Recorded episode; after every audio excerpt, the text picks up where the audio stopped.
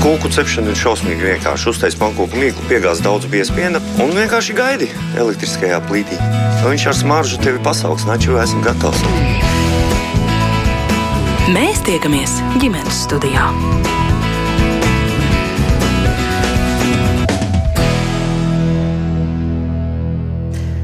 Labdien, raidījums ģimenes studija sāk savu skanējumu, un jūs sveicina tā producenta Ilza Zvaigzne. Mans vārds ir Agnese Linka.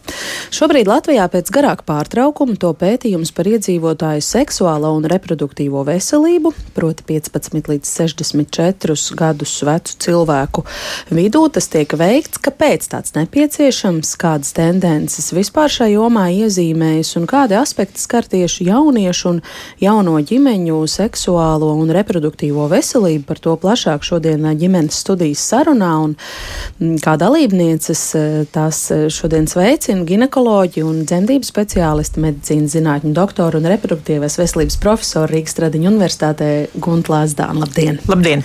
Un arī dzembiedrības papardziets vadītāja Iveta Ķela laipni piekritusi kuplināt mūsu kompāniju šodien. Sveika! Labdien! Kālaži arī jūs klausītāji esat laipni aicināti pievienoties šai sarunai, ja jums rodas um, iedvesma, ierosme, paust kādu savu sakāmo. Mēs gaidīsim jūsu komentārus, pieredzi vai kādus jautājumus. Ja tāda rodas, droši rakstiet ģimenes studijai no Latvijas radio mājaslapas, kā Alaži mūsu ziņojuma monitors jau vaļā un gaida jūsu ziņas. Es uh, vērsīšos, profesors, pirms pie jums ar uh, jautājumu, kāpēc vispār šāds uh, pētījums, ar ko tas atšķiras no iepriekšējā jomā veiktā, vai tas ir turpinājums kādiem iepriekš eh, vāktiem datiem? Precīzāk, laikam, būtu, ka tas tiešām ir turpinājums. Latvija ir ļoti labā situācijā, jo ir daudz valsts, kurā šādu pētījumu vispār nav. Bet mums tāds 1998. gadā pirmo reizi mēs mēģinājām paskatīties, kāda ir reproduktīvā veselība Latvijā. Un tagad mums jau ir ko salīdzināt, jo 2003. gadā bija līdzīgs, 2011. gadā. Bet nu, te atkal bija punkts. 2011. un tur mēs apstājāmies. Tie ir 11 gadi. Jā, 11 gadi. 2020 bija gads, kad mums veselības ministrija, sap, mēs ilgi diskutējām, un veselības ministrija piekrita tam, ka ir nepieciešami dati. Ir jāsaprot, kas tad notiek Latvijā, kā teiktu Domburkungs, kas tad notiek Latvijā. Mums ir jāsaprot, kas notiek seksuālās reproduktīvās veselības jomā. Jo ir jautājumi, kurus mēs, protams, varam redzēt no oficiālās veselības statistikas. Piemēram, cik bērniņi ir piedzimuši. Jā. To mēs varam saprast. Bet ir jautājumi, cik jūs esat apmierināti ar savu seksuālo dzīvi? Neviena statistika to neatbildēs uz šādu jautājumu. Vai jūs esat apmierināti ar to kontracepciju, ko jūs lietojat? Cik, atti, cik jūs esat um, apmierināti ar veselības aprūpas um, pieejamību un tā tālāk? Daudz, daudz jautājumu, kuri ir tikai aptaujās iespējami. Un tāpēc mēs esam ļoti pateicīgi. 20. gadā mēs sākām, bet Covid mums visu izjauca. Tagad mums pateicīgi, ka Covid ir nomierinājies. Un, to, ka veselības ministrija ir atkārtoti sāk, uzsākusi šo uh, uzaicinājumu visus pieteikties, kas gribētu pētīt, un Rīgas Tradiņu universitāte kopā ar Kantar grupu uh, pētījumu aģentūru un tāpēc ar diviem daudziem jau ieinteresētiem šajā jomā mm, doma biedriem esam sākuši tā, tālāk kustināt šo neizkustināmo jautājumu. Bieži vien. Droši vien, vēlāk atgriezīsimies pie tā, kāpēc tas ir neizkustināms jautājums, bet eh, jūs pieminējāt jau dažus aspektus, kas tā tad eh, tiks eh, apkopoti, vākti dati par tiem. Kāpēc uz šiem jautājumiem, kurus jūs jau dažus nosaucāt, ir svarīgi rast atbildes? Tāpēc, ka mēs varētu uzlabot aprūpi, uzlabot izglītību, uzlabot informētību. Piemēram, mēs ļoti daudz sakam, eh, ka, diemžēl, ļoti zema ir veselība pratība. Daudzos jautājumos, ne tikai seksuālā, reproduktīvā veselībā. Vai, piemēram, es ņemšu tādu medicīniskāku jautājumu, tāpēc ka ķēles kundze eh, varēs atbildēt tālāk no dažādiem citiem aspektiem. Nu, kāpēc mums tomēr salīdzinoši ir tik zema aptver dzemdes kakla vēža skrīninga? Jā, uzlabojas pēdējā laikā, bet kāpēc tik zema? Kas traucē sievietēm? Tomēr griezties, ja viņām tiek uzaicināti, ir valsts apmaksāta un tā tālāk. Daudz šie jautājumi, kāpēc, kā mana trīsgadīgā mazmeita teiktu, bet kāpēc? Bet kāpēc? Statistika ir viena lieta, bet kāpēc to var uzzināt tikai aptaujā? Un ļoti daudzas valstis, man pat liels prieks pateikt, ka um, martā visticamāk šeit Lat Rīgā sanāks kopā Rīgas Tedeņa universitātē. Vismaz 10, 11, cerams, uh, Eiropas Savienības valsts, kurām ir aptaujas seksuālās veselības jomā, bet kontracepcija arī tur varbūt nav tik ļoti akcentēta mātes un jaundzimušā veselības jautājuma. Un par tādām metodoloģijām, jo tāda aptauja, kā tā notiek pašreiz, visticamāk, ka tā ir pēdējo reizi. Es arī stāstīšu pēc tam, kāpēc, ja nu mums paliks laiks. Mm -hmm.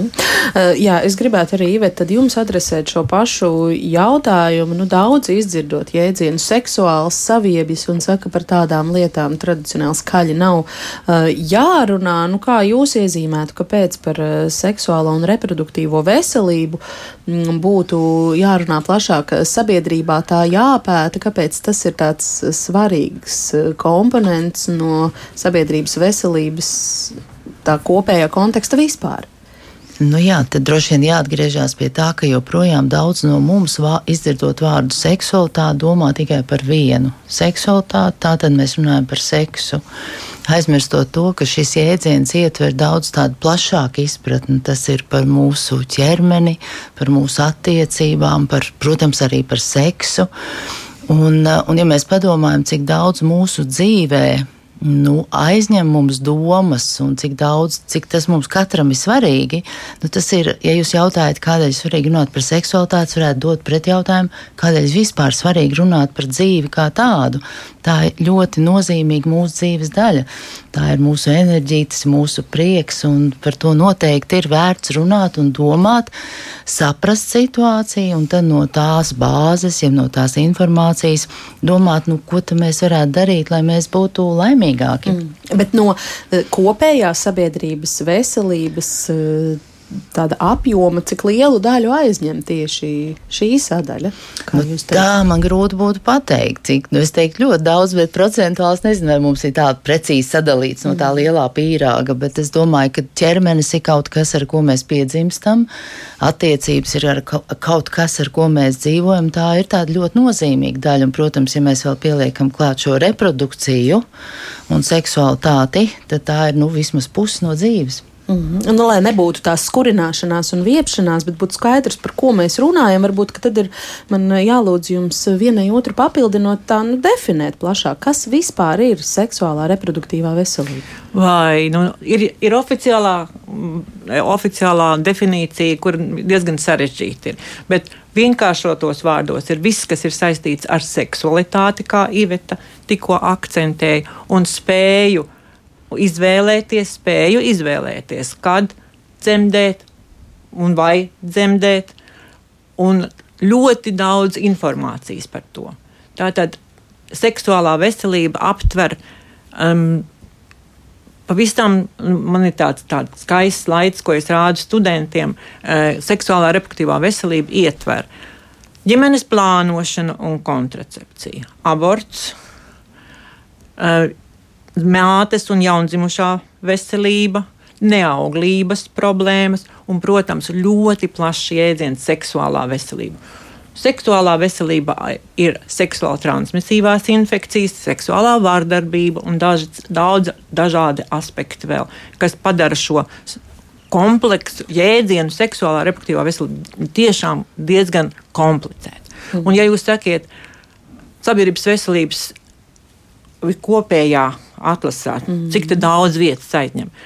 Kā kurā valstī, bet ja mēs skatāmies uz tādiem politiskiem ja, dokumentiem, kas ir saistīti tieši ar visas cilvēces um, tālāko attīstību, tad ir mums ilgtermiņa attīstības mērķi, ko pieņēmuši visas valsts, ne tikai ekonomiski vājāk attīstītas, bet tādu Visas valstis ir pieņēmušas šos mērķus 2015. gadā, un mums tie mērķi jāsnes, jāsasniedz 2030. kas pavisam vairs nav ilgi palicis.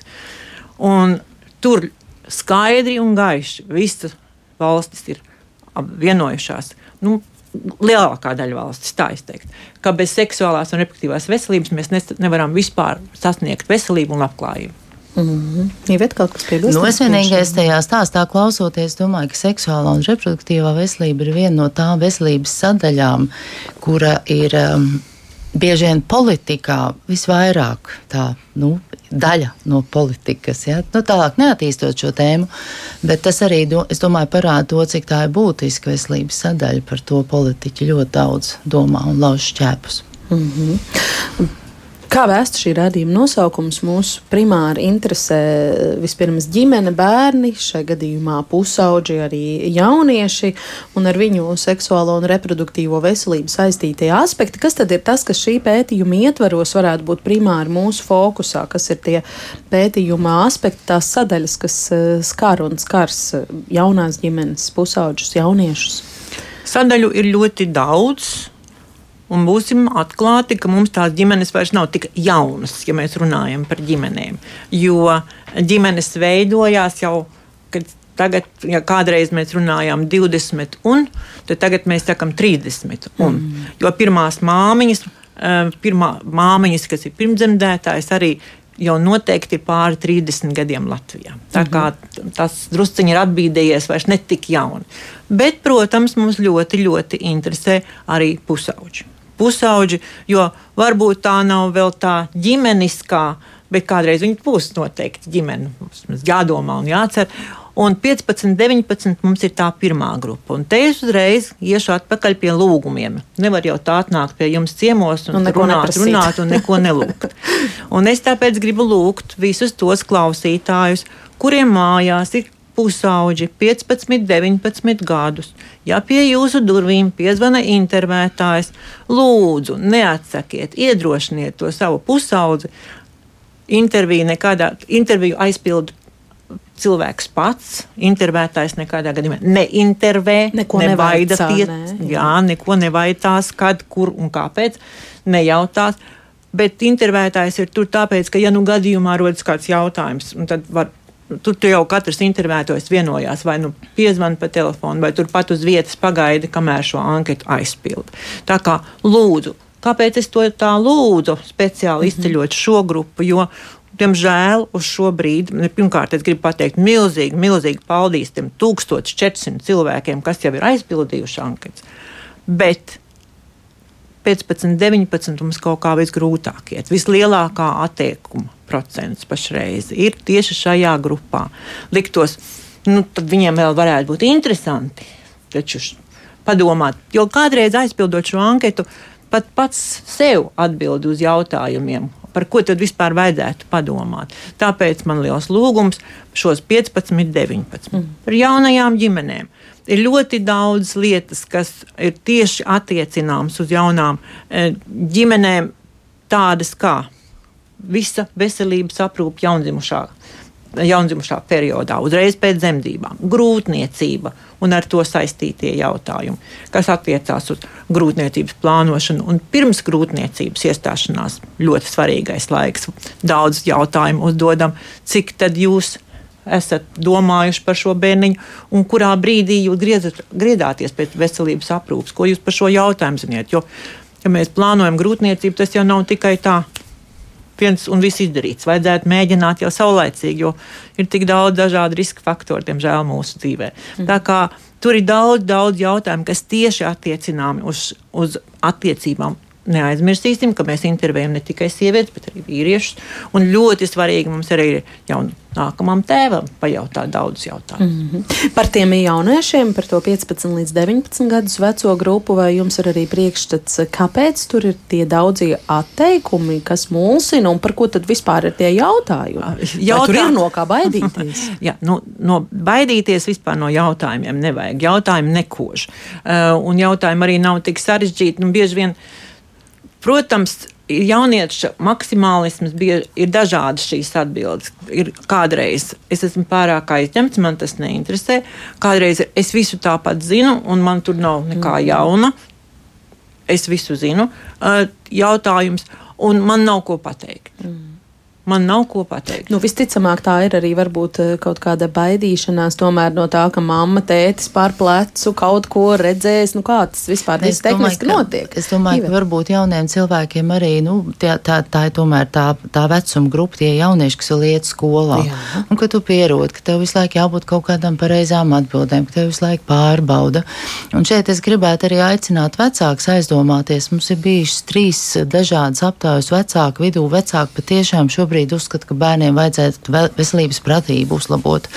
Un tad nu, es teiktu, vecākiem šī ir tā iespēja, ja mēs uzzinām par to, nu, kāda ir jauniešu veselība, pratība seksuālā reproduktīvā veselībā, tas mums dod tādu papildus, nu, es negribu lietot vārdu ierocis, ļoti slikts vārds, bet papildus iemeslu uzstājīgāk pieprasīt veselības pratību. Ja mums nav šī informācija un datu, tad mēs atkal esam tajā pašā vietā, kur visus šos daudzos gadus kur ir ierēdniecība un politiķi, kur saka, Bet mums taču ir viss kārtībā. Mums notiek, mums ir jaunajā programmā Skola 2030 ierakstīta veselība, izglītība. Ko, ko jūs uztraucaties?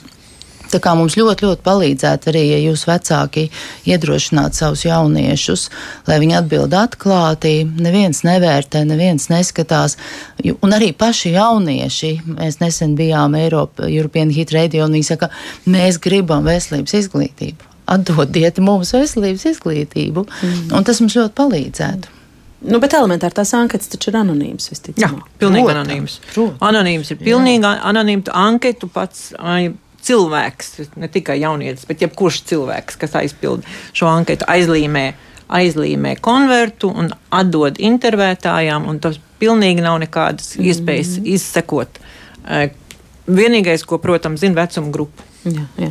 Klausītāji arī reaģē uz šo mūsu sarunas aspektu. Un, uh, kāds raksta, ir, eh, vai ir iespējams arī pieteikties aptaujai, jo veselības pratība ir nekāda. Mēs prasām no ārstiem, bet paši nesam eh, iemācīti būt atbildīgi par sevi ar trīs izsaukuma zīmēm. Klausītājs raksta, un jā, arī Anna vaicā, vai tad paši pusauģi nevar pieteikties pētījumam? Nu, diemžēl tā metodoloģija šoreiz to neļauj. Tāpēc jau es pieminēju arī, ka mēs domājam, ka nākošā aptauja cerams, ka tāda arī kaut kad būs pēc četriem, pieciem vai sešiem gadiem, plus mīnus, lai varētu saprast, kā tad mainās situācija. Tā būs eh, drusciņi citu metodoloģiju, kas, bet mēs gribam Latvijā reprezentatīvu aptauju no visām vecuma grupām. Tur jāievēro noteikta, noteikta metodoloģija. Nejaušības princips, nejaušības, jā, lai bet pēc iespējas dažādāk. Ja, bet tur ir noteikti tā nejaušība ir tāda ļoti izskaidrota. Izskaidrota nejaušība, jo piezvana pie vienām durvīm un tad tur intervē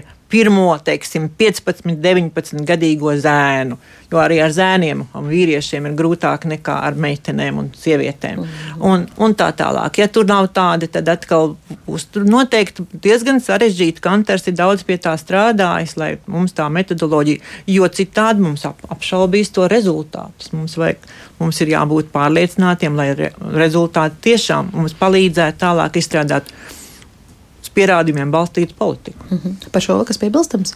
Nesenīgi mēs te runājām par pusauģu vecumu un, un tad par šīm jaunajām ģimenēm. Un tas ir vēl viens tāds, es domāju, ko nereti pieaugušie arī mēs savstarpēji runājam, domājam, nu kāds, kurš tad ir tas vecums, kad jaunieši uzsāk dzimumu dzīvi? Iepriekšējā pētījumā tas bija 17,6 gadi. Un es saku, nē, tagad tas viss ir daudz agrāk. Un tad es vienkārši tā aizdomājos, ja mēs uzzināsim, cik kādā vecumā jaunieši uzsāk dzimumu dzīvi. Un tad jau arī kā profesori minēja, ka šīs jaunās ģimenes tiek dibināts aptuveni plus mīnus 30 gadu vecumā, un tajā laikā plus mīnus piedzimst arī pirmais bērniņš. Tas nozīmē, ka ir ļoti ilgs laika posms, kur vai nu tas cilvēks jaunais var palikt vesels, ja mēs viņam iedodam to veselības pratību un zināšanas un prasmes un aprūpi, vai viņš nonāk līdz tam brīdim, kad viņš vēlās to bērniņu bet, nu, diemžēl viņam jau tā veselība ir krietnī arī nezināšanas dēļ sabojāti. Ja? Tas ir ārkārtīgi būtiski saprast, lai mēs tik līdz tām jaunām ģimenēm, kas mums notiek ar jauniešiem un pusauģiem. Mm -hmm. Starp citu, ļoti interesanti, ka Iveta tieši tagad par to ierunājās un burtiski ievadīja mūsu sarunā vēl vienu mūsu dalībnieci.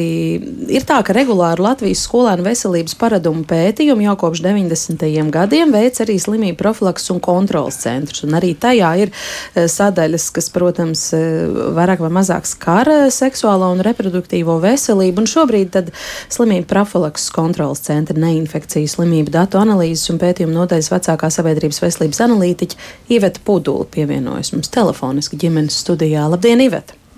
Labdien! Jā, šobrīd atkal top jūsu aktuālais šī gada pētījums par skolēnu veselības eh, parametriem. Nu, varbūt iesākumā kādas aktuālās tendences jūs vispār tajā redzat un ko jūs pētat eh, šī, šīs datu vākšanas ietvaros? Jā, šajā uh, Startautiskajā skolēnu veselības paradumu pētījumā mēs uh, un arī, uh, jāsaka, visas pārējās Eiropas uh, valstis un arī Ziemeļamerikas valstis pēta visdažādākos aspektus, kas aptver visas pusauģu periodam būtiskākās veselību raksturojošās un psihosociālās vidas jomas, nu kā piemēram veselības pašvērtējums, veselības sūdzības, kroniskās slimības, apmierinātība ar dzīvi, skolas vide, ar veselību saistītie dzīvesveidi paradumi, mutes veselība, ģimene, attiecības ģimenē, brīvā laika eh, pavadīšana, emocionālās un uzvedības grūtības, tā kā šis loks ir ļoti, ļoti plašs, bet uh, ir arī jautājumi par seksuālo veselību. Un varbūt ievadot uh, to, jo pašlaik tieši notiek jauno datu vākšana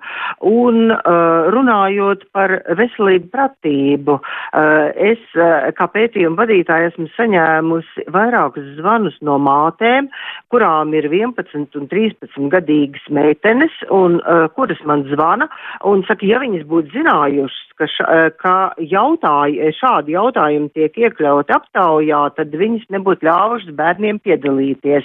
Un kādi tad ir tie jautājumi? Jā, Jo šie seksuālās uzvedības jautājumi ir tikai 15-gadīgo e, pusauģu anketās, bet 11 un 13 gadīgām meitenēm tiek jautāts par vecumu, kad ir, e, vai ir sākušās mēneša reizes, un ja tas ir noticis, kādā vecumā. Un tagad mātes ir sašutušas par šādu veidu jautājumu, un tagad uh, es atkal savā pārsteigumā jautāju 13-gadīgās meitenes mātei, un jūs vēl neesat šo jautājumu ar meiteni pārunājusi? Uh, un tad, es saku, jo Latvijā vidējais, jaut, uh, vidējais vecums, kad sākās mēneša reizes, ir 12 gadi. Un, ja meitenei ir liekais svars, tad mēneša reizes var sākties 9 un 10 gadu vecumā. Un iedomājieties šo bērnu pārsteigumu, ja viņš nekādi nav sagatavots tam, ka kaut kas tāds var notikt, ja māte ar viņu nav runājusi vai nav bijušas šīs veselības mācības stundas skolā, kas kaut jau kā sagatavo meitenes šim faktam, tad uh, pārsteigums var būt ļoti uh, traumējošs. Uh, tas tā ilustrācijai. Par, Jā, es tieši uh, gribēju pajautāt, kā jums, kā, jums, kā jums šķiet, par ko šī ilustrācija liecina? Kā jūs no savas puses varētu vērtēt? Es to, es to uztvēru, kā, es saku, bet tas, kā es skaidroju arī mātēm, tā ir fizioloģiska funkcija, kas skars visas sievietes. Un ja jums, jūs meitai vēl 14 gadu vecumā šīs mēnešreizes nebūtu sākušās, tad jums jau jāsāk uztraukties un uh, jāiet pie ārsta un jāskaidro, kāpēc šo mēnešreizu nav. Tātad organisms nefunkcionē pareizi, kā ir, ir kaut kāda iespējams problēma. Un tur tad, nu, be, tad mātēm tomēr jā, jāpiekrīt, ka šis šausmīgais jautājums ir gluži dabīgs un uh, Tas, eh, tas ir tas, ka, kas notiek ar, ar eh, visām meitenēm, sievietēm. Viņām šīs mēnešreizes vienkārši ir fizioloģiski. Uh, un, uh, ja viņu nav, tad tā ir tiešām liela problēma. Bet tagad par seksuālās uzvedības jautājumiem, jo tieši veselības un labotības kontekstā pusauģi jautājumā ļoti aktualizējas šie seksuālās veselības jautājumi. Un dzimuma attiecību pieredze un drošu dzimuma attiecību praktizēšana ir ļoti nozīmīgi seksuāla reproduktīvās veselības indikātori. Un mēs jautājam 15-gadīgiem jauniešiem, vai viņiem ir bijušas dzimuma attiecības. Jāsaka, ka šajā vecumā vēl tas īpatsvars ir diezgan zems un 1900, 2018. gadā šis īpatsvars bija 13,5% pusauģi, kuriem ir bijusi šāda pieredze augstāka zēniem, zemāka meitenēm, un šis īpatsvars, piemēram, 2010. gadā kopējais īpatsvars bija vairāk kā piekdaļa jauniešu, 22,5% jauniešu ir bijuši šīs dzimuma attiecības, un kopš tā laika ar katru, ar katru aptauju, kur notiek katrus četrus gadus, šis īpatsvars 15-gadīgo jauniešu grupā samazinās.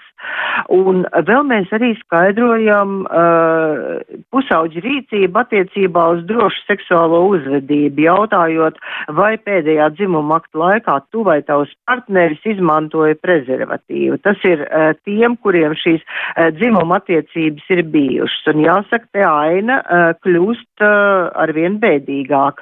Mazāk kā 70% jauniešu atzīmēja, ka viņi paši vai viņa partneris pēdējā dzimuma aktu laikā bija lietojuši prezervatīvu. Uh, šis īpatsvars bija augstāks uh, gan 2000, uh, nu visās iepriekšējās aptaujās 2006. 2010.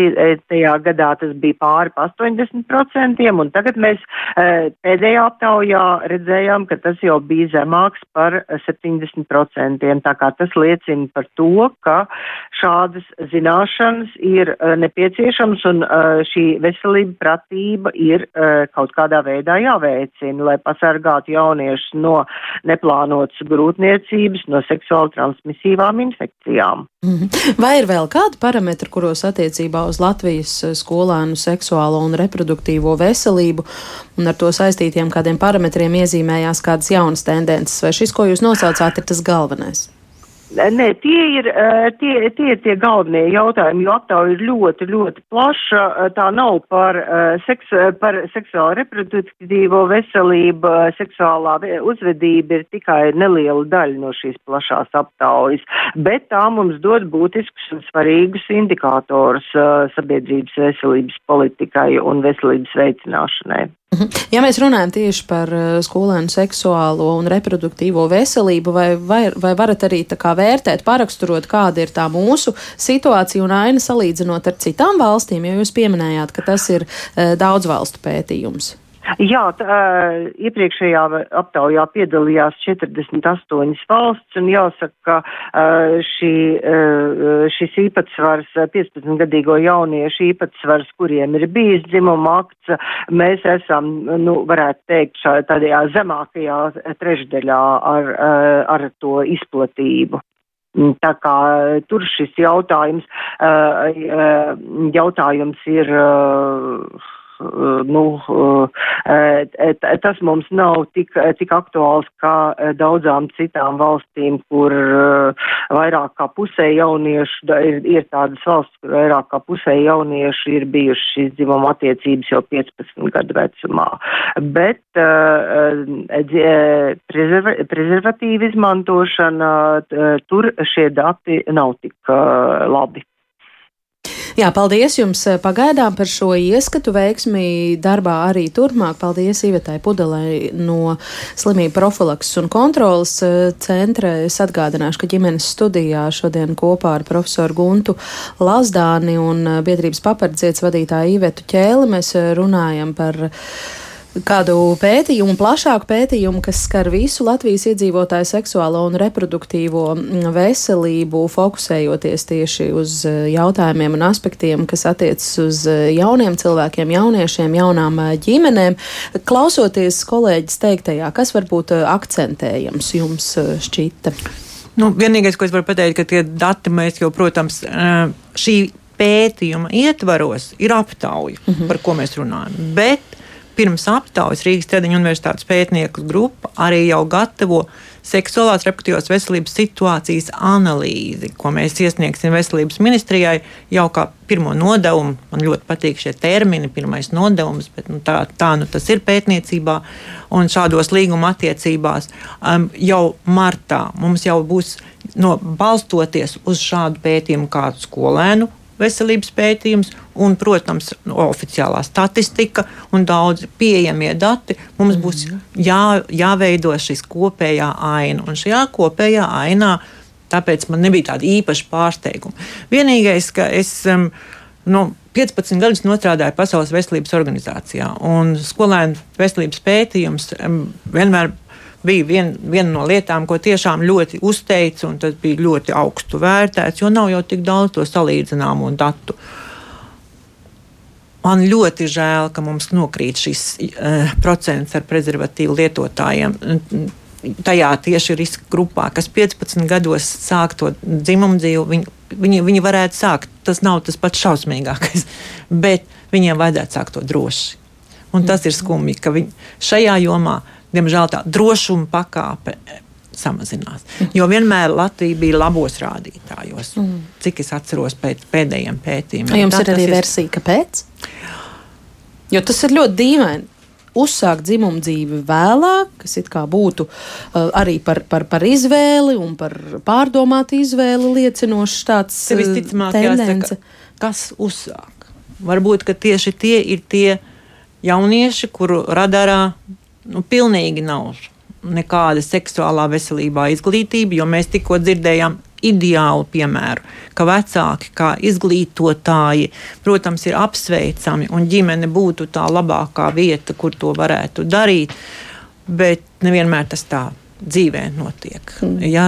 Tāpēc tā varētu būt. Bet varbūt Iveta jau ir ievilkusi elpu vairākas reizes un noteikti grib par šo ko teikt. Jā, nē, nu es domāju, mēs nereti uz Latvijas sabiedrību skatāmies kā uz tādu monolītu masu. Mēs sakam Latvijas jaunieši, ja? bet es domāju, ka īpaši runājot par tādu jūtīgu veselības tēma, kas ir seksuālā veselība, seksualitāte, reproduktīvā veselība. Mēs nedrīkstam šo veselības daļu atdalīt no tā, kādos apstākļos bērns ir audzis, jo īpaši seksuālo reproduktīvo veselību, kāda bijusi viņu vecāku loma šo bērnu augšanas procesā, cik daudz viņš ir saņēmis šo mīlestību. Un, un tad, ja mēs paskatītos sabiedrību nedaudz savādāk, cik Latvijā mums ir bērni, kuri ir piedzīvojuši vardarbību, bērni, kuriem ir atņemts vecāku tiesības, bērni, kuri uz laiku atrodas kaut kādās alternatīvajās aprūpēs, nevis savā ģimenēs, tad šī bērnu grupa diemžēl tā seksuālā dzīve viņiem nereti ir kā kompensācija tam, ko viņam nav iedevuši vecākiem. Un, un tad, ja mēs specifiski šos bērnus, ja šos ar viņiem, šo, šiem jauniešiem runāt un strādāt, tad pirmkārt viņiem vecāki nav iedavuši šo mīlestību, un otrkārt visticamāk vecāki viņiem arī nav spējuši iedot tās zināšanas, kuras nerad bērni vai nu klausoties vai augot no vecākiem pārņem. Tas būtu gan par attiecību veidošanu, gan arī par to, cik es esmu svarīgs šajā pasaulē. Ja, un te mums ienāk arī daudz iekšā gan psiholoģija, gan socioloģija un tā tālāk. Bet ja mēs skatītos specifisku šo bērnu grupu. Es domāju, ka tā arī ir tā bērnu grupa, kuriem ne vecāki devuši zināšanas, skolotājiem ir ļoti sarežģīti šobrīd, sociālajiem darbiniekiem ir ļoti sarežģīti šobrīd, ir jārisina ļoti daudz visādi citādi jautājumi, un seks vispār ir bubulis. Tā kā pirmkārt viņiem nav zināšanas, bet otrs, ko, kas neparādījās varbūt um, šī stāstījumā, tā jau ir tā pieejamība. Nu, prezervatīvs nav par baltu velti. Un, ja jāizvēlās 15 gadu vecuma māliņš vai prezervatīvs, nu, tad būtu interesanti aptaujāt. Es domāju, ka vairāk noslēgtos praliņu, kas būtu tā kā vecos laikos, teica, 100, 100 gramu drosmē. Ja tu nopērci to aliņu, un tad jau. Un otrkārt, ko mums iepriekšējā aptaujā parādīja, ka tieši nerad pirmās dzimuma attiecības tiek uzsākts eh, jebkādu apreibinošo vielu ietekmē. Ja? Un, protams, ja cilvēkam vēl nav iemaņas prezervatīvu lietošanā, un viņš vēl ir paņēmis 100 gramu drosmē, nu, tad arī tās niecīgās zināšanas iemaņas pazūd un arī varbūt aizmirstās. Mm. Tā kā man gribētos, ka mēs to sabiedrību, īpaši tos jauniešus, arī tā paskatāmies, tomēr nu, nedaudz, ka mēs neesam visi vienādi šie jaunieši. Mm. Bet tās ir sociālā riska grupas, par kurām jūs runājat, kas jūsu skatījumā veido tos Es domāju, viņas ir īpaši, bet mēs nevarētu teikt, ka visi bērni, kuri ir auguši ģimenēs un kur vecāki ir pāraizņemti darbu, ka arī viņiem ir vienmēr šīs zināšanas un pieejamība. Tas būtu tā varbūt aplam teikts. Bet, domāju, šie bērni vairāk pakļaut riskam. Mm. Ir vēl kaut kas, aiz kā jūs ausis aizķērās, klausoties slimību profilaks kontrolas? Nu, es jau es vienmēr domāju par tiem 15 gadīgajiem un puišiem, ka viņiem saka, vai viņiem ir bijis seks. Nu, dažreiz jau viņi arī grib palielīties. Ja? Nu, tas tā ir. Un tas arī. Bet tas procents mums krītas. Uh, tā, tad, jā, tad mazāk grib palielīties. Nē, bet, ja mēs domājam, tas tāda pētījuma nav bijuši Latvijā, bet esmu lasījusi, ka, teiksim, Amerikas pētījumi parādījuši, kopš ir, kopš ir ienākuši dažādie sociālie mēdīji jaunu cilvēku dzīvē, kad jauni cilvēki vēlāk uzsāk dzimuma attiecības, jo viņiem ir savs telefons, ko glaudīt, ar ko draudzēties, veidot attiecības. Un, un līdz ar to uh, viņi nedaudz atliek šo dzimumu attiecību uzsākšanu. Vai tas tā ir Latvijā? To mēs uzzināsim nākamgad, ja jaunieši piedalīsies pētījumā. nu, tā. Bet es pilnīgi piekrītu tam, ko Iveta teica nu, par to, ka ir tāda vērojama tendence nedaudz arī Eiropas valstīs, ka uzsākt dzimumu attiecības vēlāk. Ne tikai Latvijā, varbūt, ja mēs redzēsim, kā tas būs, bet Un te ir dažādi aspekti. Viens no tiem jau Ivet tikko pieminēja, un otrs, protams, ir arī kādreiz uh, tieši atšķirība. Tie, kuriem ir tā seksuālā izglītība bijusi, viņi nedaudz vēlāk sāk attiecības. Nevis tiem, kuriem nav bijusi. Mm -hmm. Jā, un tam ir, tam ir zināms iemesls, jo viņi tā kā apzinās, un viņi tā kā apzinātāk iet uz šīm attiecībām, tā kā izsverot, saprotot, ja, ja, ja ir tas, nu, tas ir tas, ko arī papardzies jauniešiem runā, ja, ka tev ir jāizdomā patiešām ar šo cilvēku, vai tu esi gatavs pārunāt par izsargāšanos, ja, un ja tad jaunieci ir tā aizdomājies, tad iespējams viņš tā nematās trakulīgi pirmajās mm. attiecībās. Kaut gan šis ir pilnīgi pretrunā, piedodiet par provokāciju, konservatīvā flanga viedoklim, ka ja par to stāstīs skolās un nedod Dievs vēl tur tas papardziets tiks iekšā, ka tādi viņi ļoti trakulīgi un ļoti drosmīgi nodosies. Jo agrāk, jo labāk. Nu, nu, vienmēr jau politiķiem der pakonsultēties ar pētniekiem, ja, ja viņiem ir pašiem laika, tad palasīt. Tas viss ir izpētīts. Tas ir izpētīts visvairāk Amerikā, kur pat ir bijis šāds eksperiments, kur daļai skolu piemaksāja bušu administrācijas laikā, lai viņiem nemācītu vai mācītu atturības mācības, skola saņem papildu finansējumu. Un tad bija daļa skolas, kuras izvēlējās, ka viņām tomēr būs šī izglītošana jauniešiem. Nu, kāda bija rezultāti? To tiešām vienmēr ir vērts atcerēties un atgādināt. Abās šajās grupās, plus mīnus, vienlaicīgi jaunieši uzsāk seksuālo dzīvi. Tā vienīgā starpība, kas bija tie jaunieši, kuriem bija atturības mācība, viņu vidū bija vairāk grūtniecības un infekcijas. Nu, es tā ļoti, ļoti rupji pārstāstu šo, ja, bet tā ir tā galvenā atziņa.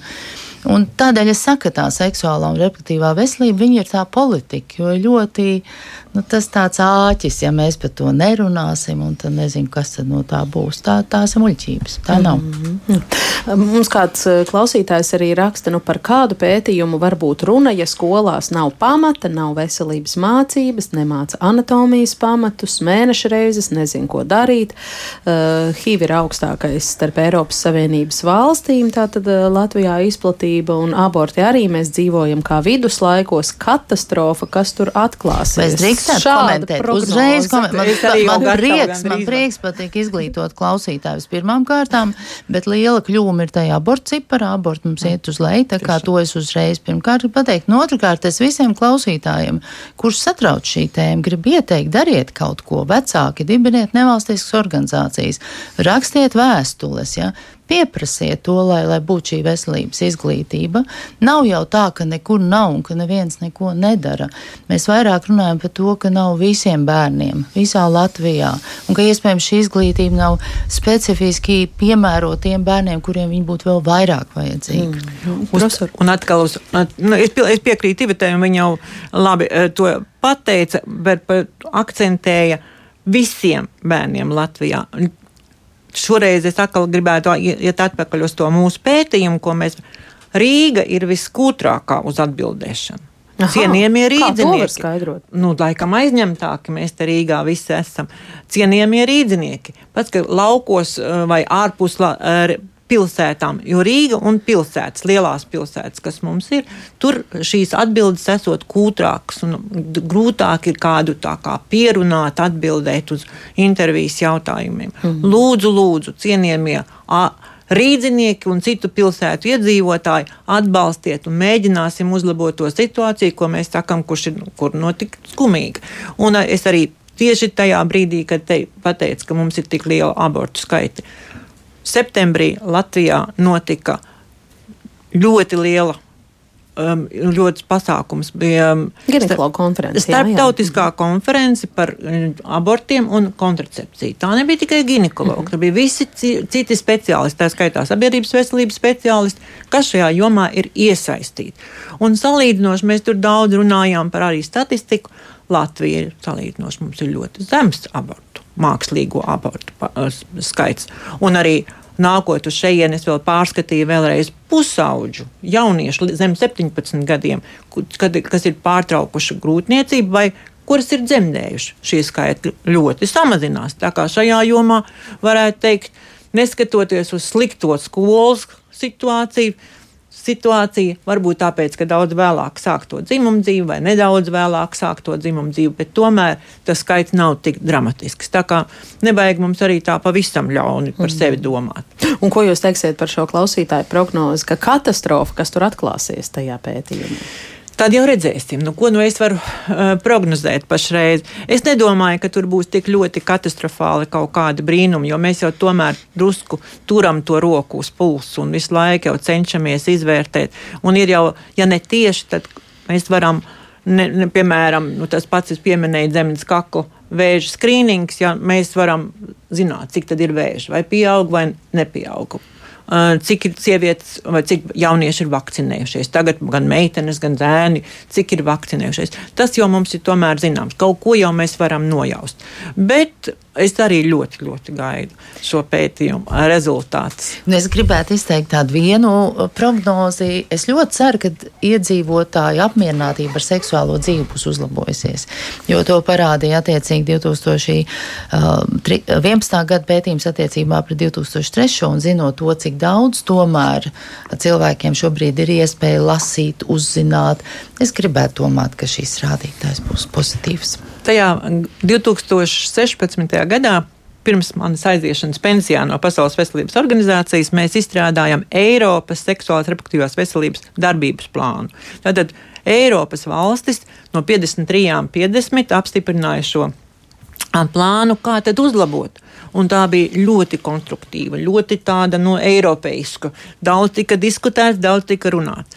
Bet tieši tas ko Iveta tikko akcentēja. Seksuālā veselība un seksuālā un reproduktīvā veselība nav tikai par slikto. Nav, nav tikai seksuāli transmisīvās infekcijas vai vardarbība.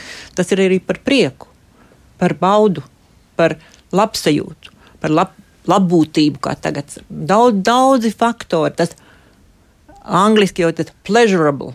Um, mm. Ļoti, ļoti eh, svarīgi bija daudzām Eiropas valstīm akcentēt to, ka seksuālā veselība veicina kopējo veselību. Mm -hmm. Un, eh, ja jūs pieminējāt 16. gadu un to, ka kaut kādas vadlīnijas tādā starptautiskā politiskā līmenī ir izstrādātas un eh, pieņemtas, nu, kā jau vairāk kārt eh, minēja pētījums, tātad visaptverošais pētījums būs gatavs nākam rudenī, jūs teicāt augustā, bet ja es lūgtu jau tagad jūs tomēr pavērtēt, kas, teiksim, šo pēdējo gadu laikā, nu vai no 11. gada, tad, kad bija Latvijas lielais pētījums iepriekšējais, vai no 16. gada, kad tāds Eiropas vienotājs, vienotās eh, vadlīnijas šajā jomā ir eh, tikušas pieņemtas. Eh, ja es vaicātu, kas ir tas, kas, teiksim, tādā veselības politikas līmenī tomēr ir iztrūcis attiecībā uz, piemēram, tām pašām jaunajām ģimenēm, jo par jauniešiem, nu, te veselības mācība, veselības mācība, veselības mācība. Kontracepcijas to, pieejamība. Jā, un, Četrus gadus un, mēs lobējam kontracepcijas pieejamību. Un, un Ivet par to jāredz runāt bez apstājas, bet par tām jaunajām ģimenēm tā kontracepcijas pieejamība arī ir jaunajām ģimenēm. aktuāli. Ļoti aktuāli. Jā. Latvijas tādā politiskajā līmenī. Tā ir ļoti svarīga joma, jo es negribu atkārtoties par mm. to, ko mhm. mēs jau runājām. Es, protams, runātu uzreiz atkal kā pirmā, tomēr, bet tad, kad jūs sākāt garo ievādu, es domāju, ka jūs teiksiet, kas tad labs ir noticis. Un te es arī gribu akcentēt, ka daudz kas ir noticis labs. Mēs esam daudz ko izdarījuši. Nav tā, ka mēs mm. neko neesam izdarījuši. Mēs puikas ar cilvēku papilmatozo vīrusu. Un, un līdz ar to tā vakcīna jau var nāk kopā ar in, informāciju un, un attieksmes jautājumu. Ļoti bieži tas ir ne tikai at, atbildība par sevi, bet arī par partneri. Par daudz, daudz dažādu jomas ir labi.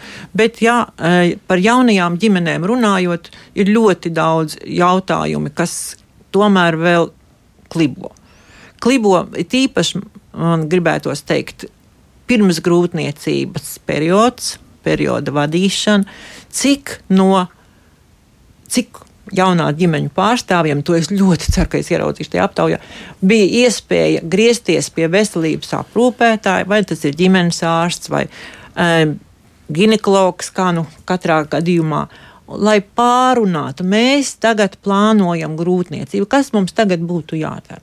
Jo ir daudz lietas, ko mēs varam darīt vēl pirms tā grūtniecība ir iestājusies. Un 21. gadsimtā nu, ļoti daudzās valstīs, nu, 30, 40 pat līdz 50 procentiem jau nopietni pieiet šim jautājumam. Mm -hmm. Mēs gribam vairāk veselus bērniņus. Tas ir ļoti jauki, bet par to ir jādomā visiem kopā. Un valsts veselības politikas līmenī. Un valsts veselības politikas līmenī. Mm. Jo tā pieejamība, man liekas, veselības aprūpas pieejamība, protams, Covid šausmīgi iesita uh, šādu pieejamību, jo tur jau bija tikai neatliekamā palīdzība un daudzas lietas. Šo, paskatās datus uh, pašreiz pie, oficiāli pieejamos. Covid laikā tā nokrita intrauterīnās kontracepcijas lietošana, jo tur ir jāievada, tur ir jābūt kādam, kas to izdara. Uh, Un laikam, laikam netika cilvēki līdz Līdz tam, jā. Vēlēt. jā. Ar Aiga mums raksta, ka viņas skatījumā arī pēcdzemdību aprūpe ir katastrofāla. Droši vien vēl viens aspekts, par ko šeit varētu garu un plaši runāt, un kādreiz arī ģimenes studijā to darīsim. Uh, Dāts rakstā, ka nevajag novelt atbildību. Saprotu, ka par izglītošanu ir runa. Nevajag novelt atbildību uz skolu. Klases stundās, sociālās stundās mēs par to runājam. Notiek nodarbības veselības projektos, bioloģijā gan tikai 9. klasē, bet kur tad paliek ģimene?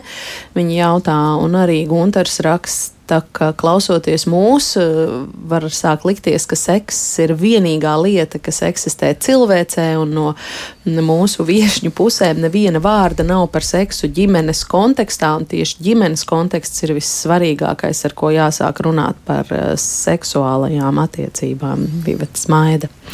Ne, tas smaida, es gribu paldies skolotājai, kur atsaucās, un tas jau arī tas, ko mēs mēģinājām teikt, uh, varbūt tas ne, nenolasījās tik labi. Paldies visām skolotājām, kuras nopietni mēģina runāt ar bērniem, zinot to, ka arī mums nav pedagogiem mācību materiālu seksualitātes tēmā, bet tie ir izņēmumi. Mēs vairāk šobrīd runājam par valsts politiku, par visiem bērniem arī tiem bērniem, kur varbūt iet skolās, eh, kur nav šādu pedagogu, un par to, kas ar viņiem runā un māca. Un par to seksu ģimenē Jā, ideāli var būt, bet ir tā reālā sabiedrība, tā reālā dzīve. Nu, šobrīd ir tā, ka arī šīs seksuālās attiecības ir pirms ģimenes, un noteikti zināšanas par savu ķermeni, par attiecībām, par izsargāšanos ir jādod jau krietni pirms cilvēki dibina šīs ģimenes. Tas būtu atbildot uh, klausītājiem par ģimeni un seksu. Un es vēl gribu vienu piebilst, ka Latvijā dažkārt ir sajūtas, ka mēs nezinām īsti, kas notiek, un ka nav šī ģimeniskā bieži vien pazūd. Jo vienā no pēdējiem pētījumiem, kas bija lielā aptauja, tāda līdzīga 2011. gadā, bija ļoti neliels procents salīdzinoši to cilvēkam regulāri ir dzimuma attiecības ģimene. Nu, partnerattiecības. Es pat nerunāšu par reģistrētām ģimenēm, kurām ir regulāras dzimuma attiecības. Tas salīdzinoši šis procents bija zems. Un arī dati, ko mums ļoti no ārpuses, no citām valstīm saka, kas ar jums notiek Latvijā. Jums ir ļoti zema dzimstība, un tāda mums ir. Jums ir ļoti zemi aborti, un tāda mums ir. Un jums ir ļoti zema kontracepcijas lietošana. kā tad jūs tā to Nav visu seks. dariet? Un tā kā nu, redzēsim, tiešām gaidām no aptaujas um, rezultātus, kas varētu būt atbild, dot mums atbildi uz šo jautājumu. Es ar citu tikko vienu pēdējās minūtes laikā ķecerīgi domienāts prātā. Uh, nesen mums tika publiskots tāds arī politikas plānošanas dokuments, cerams, kā tautas ataudzes stratēģija ir sanācis ielūkoties tajā, vai tā kaut kādā mērā runā par šiem jautājumiem. Nedaudz, nedaudz, nedaudz. Jā, Nedaudz ar to saprotot par maz vai nedaudz un pietiekami. domāju par maz. Es arī tam piekrītu. Es cietīgi izgāju cauri. Un, protams, arī tas ir jā, nu, jāsaprot, ka tas vēl līdz šim nav oficiāls valstiski pieņemts dokuments. Tā ir cilvēku kopas dokuments, kas ir publiskots, labi, uh, bet mums ir jāsaprot, un kas tālāk. Jo attaudzē bez reprodukcijas, nu tā grūti iedomāties, vai ir iespējama. Mm. Ai, kā gribētos tagad šo sarunu vēl vienas 50 minūtes turpināt, bet, eh, diemžēl, ne šodien, kādu citu reizi. Paldies, ka viesojāties ģimenes studijā. Šodien saku biedrības papardzietas vadītāja Ivetai Ķēlē un arī Rīgas Stradiņu universitātes profesorai Guntai Lazdānai. Un Paldies. raidījumu šodien veidoja Ilza Zvaigzne, Rita Karnača un es Agnes Linka. Tā kā tuvojas Ziemassvētki, tāpat kā citus gadus, bet šobrīd, nu, pēc pandēmijas laikā jau īpaši ģimenēm tiek piedāvāts plašs tematisku kultūras pasākumu klāsts. Kāds tad ir mūsdienīgs Ziemassvētku stāsts, ko šodien mēs stāstām bērniem, ko viņiem piedāvājam un ar ko iespējams viņus iepriecināt un aizraut. Par to mēs diskutēsim ģimenes studijā rīt. Kā vienmēr no diviem līdz trījiem. Un klausieties mums arī podkāstos, tiekamies mobilajā lietotnē, sekojiet ģimenes studijai sociālos tīklos uz sadzirdēšanos.